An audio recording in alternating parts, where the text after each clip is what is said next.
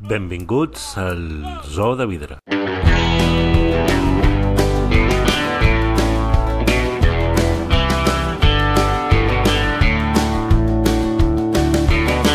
Passar la frontera el maleter. D'un Mercedes verd i atrotinat. La primera nit en un caixer. Ell no ho confirma, però Jordi Oriol és una rara avis dins el vast univers de la dramatúrgia catalana contemporània. La seva trilogia de lament és del millor que s'ha escrit en aquest país en aquest segle. Ara torna al TNC amb Europa Bull, potser la seva obra més ambiciosa a nivell formal. Una peça que va guanyar un munt de premis de la crítica i que està cridada a girar per tot el continent. Oriol és actor, director, escriptor, un home de teatre total que parla fluixet i que mira molt amunt. Escoltem-lo. i les tempestes dels lladres no hi ha pany si es prou Hola Jordi, benvingut al Zoo de Vidre, al podcast de teatre del Temps de les Arts. Um, el primer que deman sempre jo és com estàs, com et trobes, uh, com et va la vida, estàs content? doncs eh, sí, la veritat és que prou content, dintre de la situació, tot plegat, i de la calor que estem passant aquests dies, però l'estiu ja ho té, però, però bé, bé, molt bé. El, aquest any, eh, aquest, aquest any més aviat aquesta temporada, és, no sé, jo crec que és prou està sent prou atractiva per tu, perquè has pogut tornar a fer la teva la trilogia de l'Hamlet, eh, l'Empestat i la Maledicció, i acabes la temporada uh, tornant a posar en escena uh, una, un, el que pot ser el teu opus magnum, no sé, és el que tens un munt de premis, Sí. uh, el, uh, que és una obra que, si no vaig equivocat, es va estrenar el 2019, com el, a finals del 19, i, i va, va, va passar la pandèmia i va quedar com una mica eh, diguéssim, a gires, gires i tot això, i a més ara ho portes al grec, que jo crec que uh, és una de les apostes del grec perquè sobretot uh, per, per convertir-te en un, en un director, dramaturg, actor d'abast internacional, no sé com,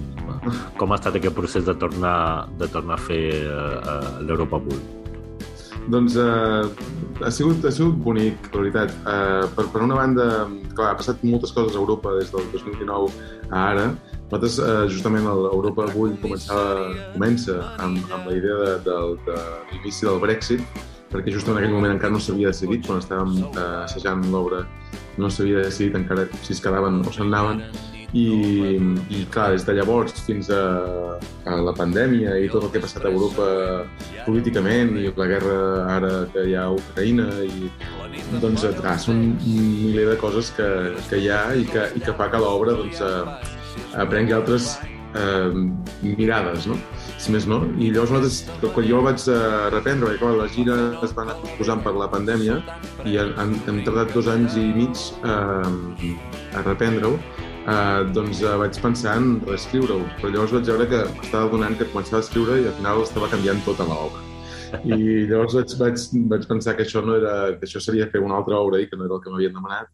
I llavors vaig intentar res, simplement eh, amb petits detalls intentar que estigués, que hi hagués actualitat, que, que la gent no veiés caduc, no veiés caduc, sinó que veiés que la cosa eh, tenia a veure amb l'aquí i ara. Que també ho té, i ja ho tenia, de fet, eh, vam, vaig començar a fer la revisió i a mirar-me el text i pensava, ostres, això també està parlant d'ara, no? Hi ha coses que eren d'un moment, perquè també era el moment del procés de quan van sortir les, eh, diguéssim, el, el judici, es va fer el judici eh, per l'1 d'octubre i, i van empresonar Um, de fet, perdó, perdó, quan van... Uh, sí, ja estaven empresonats, però vull dir que van fer el judici i els van condemnar. Uh, doncs, uh, uh, clar, des de llavors fins ara han passat moltes coses i han sortit de la presó, bàsicament. També tots els condemnats, eh, tots els polítics, almenys condemnats. Però tot i així com continua havent-hi eh, tot, tota una sèrie de problemes aquí eh, en relació a Catalunya-Espanya, amb el Pegasus, amb, amb, amb el Toni continua exiliat, com amb, amb Puigdemont i, i companyia. Per tant, vull dir que sí que realment hi ha molta actualitat. I després, moltes coses que estan passant ara els llegeixen des d'un altre lloc, però que en canvi en l'obra hi són, no? Però, de fet, encara que sigui una obra de Jordi Oriol, en aquesta obra, precisament, el text, crec jo, no és el més important. No. Exacte, no, no, exacte. Sí, aquesta obra és molt visual, és molt plàstica, és um, eh, molt musical. Uh, la veritat és que és una obra que, que més enllà del, del contingut, el que s'explica també és, és com, com es fa, no? I, i què està succeint allà. De fet, eh, de fet, jo vaig arribar a la idea aquesta de fer una obra molt eh, trencada i amb, amb, moltes, amb molts inputs eh, diferents, amb moltes escenes eh, que remetien a èpoques diferents, eh, perquè m'adonava que Europa i, i també com en, um, diguéssim, com es deriva la informació del que està passant arreu d'Europa, és també un batibull de, de coses. No? Hi ha molta informació, hi ha moltes coses que estan passant i, i quan te'n vas a, a pensar en què passa a Brussel·les no? i què, de què parlen tots els eh, comissaris, diguéssim, que, que fan, que comencen a, a plantejar, a fer preguntes, diguéssim, um, a dintre de la, de la Comissió Europea, doncs t'adones que cadascú parla del seu lloc i dels, de les seves coses, del seu, i de les seves realitats, no? i que són molt diverses i, a més a més, amb molt, llengües molt diverses, i això fa que sigui un, una cosa molt babèlica i molt, i molt barroca. De fet, podríem dir que el, hi ha crítics i gent que ha dit que és el teu Mark Thaler. Uh, ha dit que és una incursió de Jordi Oriol amb estètiques que no són les que precisament teves. És a dir, jo comparant, pots comparar Europa Bull amb la trilogia del Lament, que, que, sí. que, que li vas dir, i sí que hi ha una poètica eh, textual, però a, a nivell estètic eh, jo crec que no, té poc sí, a veure, no sé. Té molt poc a veure, sí, però en canvi um, sí que hi havia um, espectacles anteriors com Safari Pitarra o uh, no sé, coses també grossa o d'envergadura de, més grossa o, o Prometeu no res, per exemple, era una obra sí, sí. Uh, molt més marteliana potser que, que aquesta, en el sentit de que es dona el temps i hi ha un espai molt marcat i hi ha uns personatges com molt peculiars i, i gairebé no parlen. Uh, això passava amb, també amb altres obres, però sí que és veritat que, que de sobte arriba un moment de, també que la gent eh, que ja en comença a conèixer i, i ve a veure aquell, aquell deix o aquella manera de fer eh, que, que està més a prop a això, a la caiguda d'Amblet, l'empastat o la maledicció, doncs es troba amb una, amb una realitat, amb unes, amb unes eh, diguéssim, una explosió de, de colors i d'idees i, i de música i moviment que, és, que, que no hi és en les altres obres. I què li passa a aquesta vaca? Explica-m'ho. Perquè teniu una vaca... bueno, teniu una vaca, es parla molt d'una vaca que li passen certes coses, no?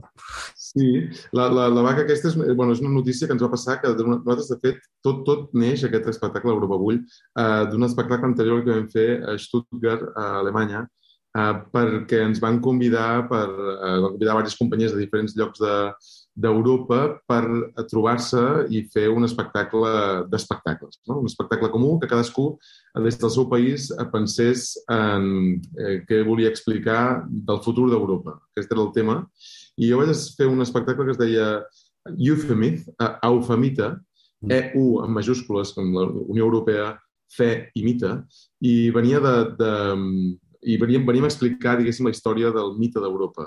I llavors, al fer el trasllat, diguéssim, bueno, quan estàvem fent l'obra allà a Stuttgart, just l'estàvem representant, va aparèixer aquesta notícia d'una vaca anomenada penca, una vaca búlgara, per tant, europea, que es va escapar del ramat, mmm, va creuar la frontera, com evidentment va, va, va anar caminant pel camp, i eh, se la va trobar un eh, pagès serbi, a l'altre costat de la frontera, i va veure el crot d'identificació, que és la, la matrícula que tenen les orelles, sí, sí. i va identificar que era búlgara i va, va buscar el pagès de qui era i el va trucar i va dir ei, tinc jo, la vaca, no pateixis, te la torno. I al tornar-la, el van parar a la frontera. Clar, va tornar-la amb, un, amb un remolc eh, i a la frontera el van parar i, i van dir aquesta vaca d'on és? Aquesta vaca és de Bulgària i és d'una altra persona, però, però van dir, ui, no, però no, quan ha sortit d'Europa? De, no ho sé, es va escapar fa, es va escapar fa un parell de setmanes, ja, però no sabem què ha passat durant aquest temps. No?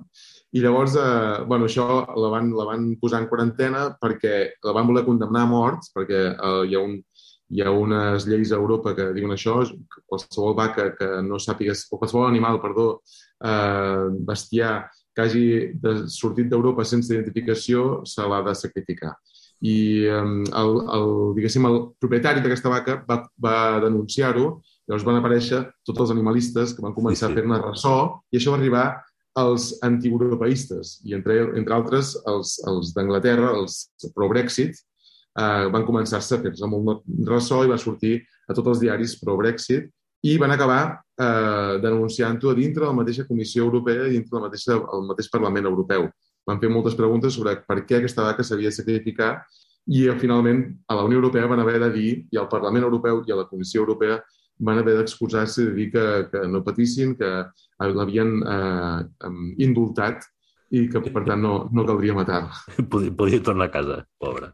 Exacte. exacte. Per això, aquest, aquest, tota aquesta notícia que va ser tan, tan sonada i que va durar durant 40 dies perquè va estar en quarantena aquesta vaca, um, clar, i nosaltres estàvem justament a Stuttgart i, i jo vaig veure això i vaig seguir-la i vaig pensar, ostres, això s'ha de, de fer una obra, i com que justament estàvem fent una obra sobre Europa, vaig pensar que ara eh, i estem fent una obra sobre aquesta vaca, aquesta, perdó, aquest, aquest, aquest toro que és el Zeus, que rapta Europa, etc. I teníem justament un toro mecànic amb el qual havíem anat a Stuttgart a fer-ho. Eh, vaig pensar, hòstia, ha d'anar d'això, principalment. Jordi Oriol, que és més pitarresc, d'alinear, eh, brossià, Um, en qui, en qui t'identifiques més? El, potser és la mateixa tradició, però no sé, en, sí. quin, en, en, en qui t'hi veus més? Ostres, no, no sé. Jo crec que, que amb, amb, amb, tant amb, amb l'equip guitarra com, com amb el brossa eh, m'identifico amb coses molt diferents. Um, em fascina brossa i m'agrada molt per la senzillesa i, i pel, pel, pel directe que arriba a ser, no? amb, amb poc, i, i en canvi guitarra és potser el contrari, no? és per l'accés. Uh, i, I jo acostumo realment a fer, uh, a tenir molt accés uh, a, en escena, m'agrada molt uh, el barroquisme, uh, és, és inevitable perquè vull col·locar moltes coses, sé que ja vull posar moltes capes, diguéssim, uh, però a la vegada també uh, m'emmirallo i em fascina moltíssim eh, el, les línies eh, senzilles, simples de brossa, no? I, i, i anar al gra, i anar, al, i anar a tocar eh, la fibra amb, amb només aquell, aquella taca, no? I, I llavors suposo que lluito per intentar acostar-me a brossa i, en canvi, crec que, en el fons, sóc més pitarrès. No, jo crec que és més brossià, eh? En el, sentit, sí? el, el teu vers, uh, del, penso l'empastat ara, per exemple, que és, sí, no, sí. no és ni l'Hamlet ni la maledicció, diguéssim, els entremig, són dos actors, gairebé només parles, parles tu, uh, diguéssim, el Calibat, no? Uh. -huh. I, i penso, penso en les obres de Brossa, en el teatre de Brossa, més que en, en, en la seva poesia, i crec que, diguéssim, tens un domini tècnic i una, una dicció que és més bruciana que pitarresca, en aquest sentit. Tens, segurament, el, ets una mica més popular, diguéssim, mm -hmm. en, en, en aquest sentit, és dir, per això el pitarresc, no? Però, no sé, eh? dir, això són coses que em venen, em, em venen al cap. El... Per tu és important la, la, la tradició? Sí, jo, sí, per mi és, és molt. I, de fet, de fet eh, per molt que en vulguem defugir, eh, no podrem, perquè tenim un, un bagatge, no escrivim d'enlloc, no? no? o no, no creem de res, del res. I, i, i sí, i el fet d'intentar-ne de fugir a vegades eh, eh, hi caiem, no? I, i tots aquells que diuen que, que no, no, és que és, això, ui, això és molt antic, això és, eh, en el fons, eh, és mentida, estan, estan caient en, en coses que ja, que ja s'havien fet molt i que justament gràcies a això s'han depurat, s'han filtrat i han arribat a, nosaltres de manera eh, molt més eh, acurada. No? I sí, jo crec que les tradicions són, són eh, imprescindibles a l'hora de, de crear. De fugir-ne crec que, que és una bestiesa, una tonteria.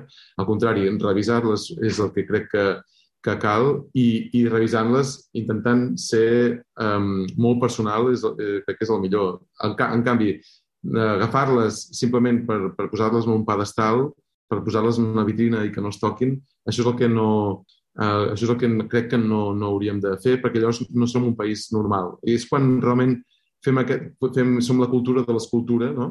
eh, que, que realment eh, ens tornem a, a aquesta, aquesta, aquesta, d'aquesta catalanó uh, um, diguéssim, hermètica, no? I, en canvi, quan realment eh, som realment moderns, quan agafem els clàssics i els, els, els, els estudiem, els mirem, els revisem i després els, en fem el que, el que volem amb ells. No? Que és el que crec que fan els països eh, que tenen molta tradició.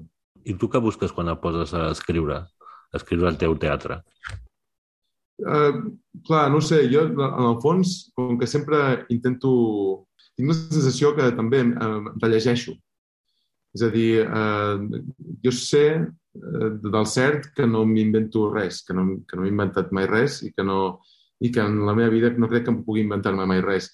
El que sí que podré fer és intentar rellegir les coses. I, i això és el que justament m'agrada fer i, i, i intento no, no, no, no mentir-me a mi mateix de dir, ostres, no, és que estic començant amb una pàgina en blanc i, i sabré eh, i faig el que, el que toca ara i, i estic escrivint des de zero perquè crec que no, que no som, és impossible, és, és, una cosa eh, una, o sigui, hauríem de, de no, no haver llegit res, de no haver escoltat res de música, no haver, eh, no? d'intentar no, no parlar amb ningú pràcticament per poder a començar a fer una cosa de zero. I, i tot i així, quan fem de zero, és, és aquell, aquella criatura, aquella personeta petita que fa un dibuix eh, en un paper, però en canvi no té cap referència i cap prejudici de que el sol és rodó, de que una casa és amb aquelles parets que fa un triangle la, la taulada, i, eh, sinó que no té cap tipus de... i fa qualsevol cosa, qualsevol lloc i en qualsevol forma, és allà quan hi ha llibertat i això és el que hem d'acabar buscant, però a partir d'una cosa que no podem negar, que és el fet de que sabem, coneixem, eh, hem llegit i aquest bagatge no el podem, eh, no, no podem negar. No?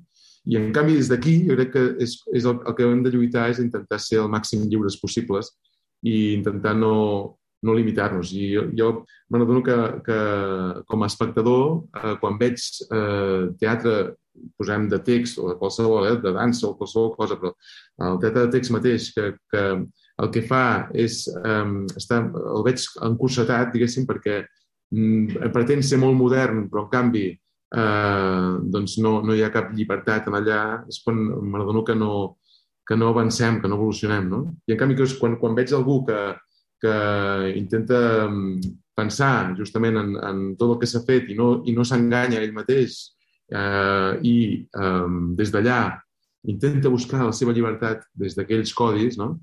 és quan realment veig que hi ha algú que està mm, aprofundint en les coses. Et sents un bitxo raro de vegades? Dir l'escena dels dramaturgs de la teva generació, per exemple? No, bitxo, bitxo raro no. No, no, simplement que, um, que jo, jo no, no em considero un autor, a menys de text, uh, a l'uso, o sigui, no un, un escric de bon matí um, uh, d'allò de, de, em poso, mira, jo de, de, de 9 a 12 em poso a escriure i, i llavors després uh, paro i després torno i encara que no tingui una obra en ment per fer, no? sinó que segurament vaig empapant-me de coses i quan realment tinc molta necessitat d'escriure, de, llavors és inevitable i em poso a escriure, no? però em costa molt. Quan tinc encàrrecs, em, jo em poso davant de l'ordinador a, a intentar-ho, no? a escriure, i, i em passo molts dies que no, no escric ni una paraula. Són, fa, són famosos els teus bloquejos, eh? Sí, sí, sí, sí, sí exacte. I els he posat en escena i tot, perquè realment em, em, em costa, no tinc, no tinc una agilitat, una facilitat d'entrada. El que passa que és veritat que després, quan, quan porto molt temps donant-li voltes i quan ja queda pocs dies per entregar o per començar assajos, Llavors, de sobte, eh, per art de màgia, no sé per què, em, em surt tot d'una manera vomitiva, no? I llavors, d'una manera, potser no hi penso, no penso tant, no? És com que em llenço i llavors ja no deixo de pensar, que és el que he estat fent durant tot aquest temps, que no em deixava, que em tenia bloquejat, no? Llavors, en el moment que deixo de pensar, llavors em surt eh, tot, no? I després és quan m'ho llegeixo tranquil·lament i faig algunes variacions petites però normalment acostuma a ser allò que he vomitat, acostuma a anar bastant a missa. I, I com casa tot això amb el Jordi Oriol, que va d'actor jugat quan et truquen per fer d'actor? Perquè tens una bastanta bona fama entre els directors d'escena d'aquest país com a actor. Diguéssim, has treballat amb molta gent, amb gent molt diferent. Uh, com, com ho vius, uh, això? Jo, la veritat és que uh, entenc el teatre uh, més des de l'intèrpret, des de l'escena, des, de, des del performer, d'alguna manera, no? I uh, així és com vaig començar, de fet, i, i, i no vaig tardar molt a, a decidir-me a escriure.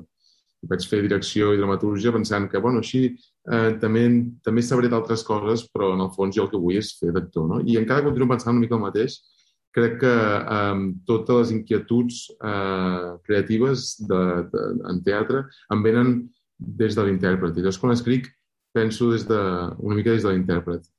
Um, i inclús quan escric poesia o alguna així, penso més en el com, recitar. Com Shakespeare, no?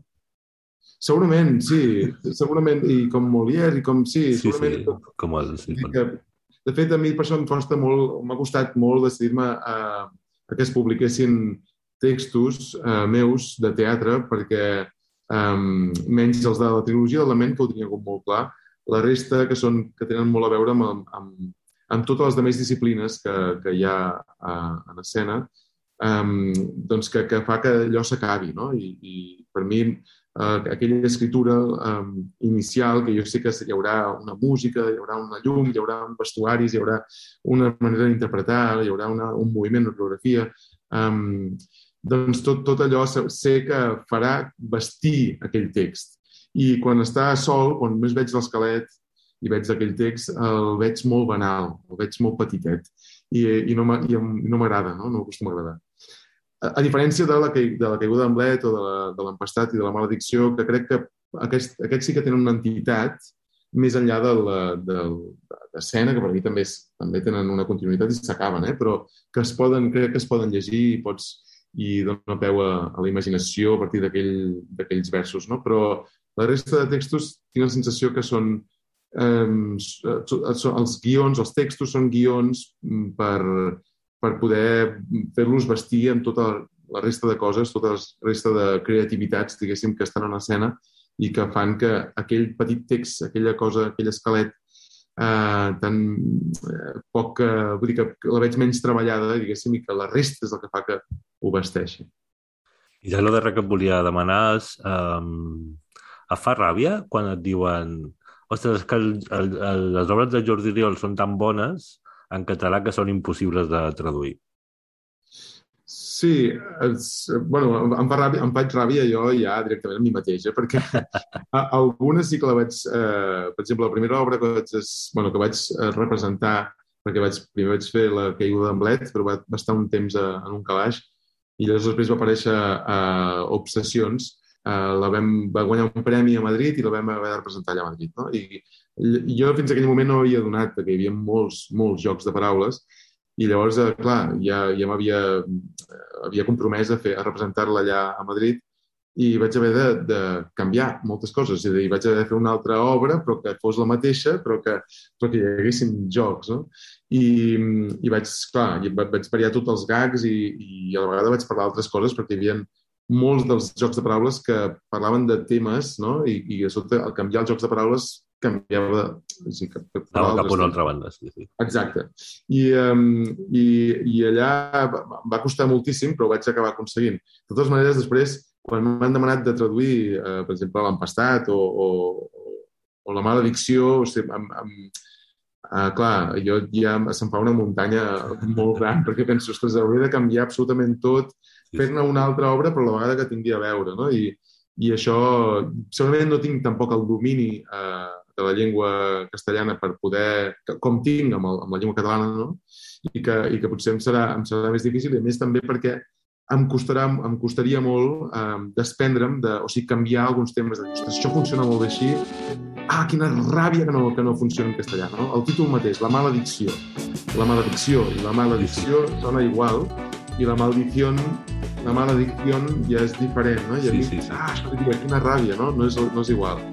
Per tant, sí que, ho dic, em fa ràbia, però sí que em faig ràbia a mi mateix perquè crec que és, és cert que moltes de les coses que he escrit, no totes, però moltes, um, doncs són eh, s'haurien de variar molt, no? Haurien de ser ben diferents per traduir-les, que m'encantaria i si algú tingués, tingués ganes de fer-ho, jo estaria encantat de que, de que, de que s'hi posés, posés a fer-ho i que, i que es pogués, eh, diguéssim, portar a altres llocs d'Espanya. Doncs moltes gràcies, Jordi. Uh, gràcies per participar al Zoo de Vidre i que vagi molt bé l'Europa Bull. Moltes gràcies. Igualment que vagi bé.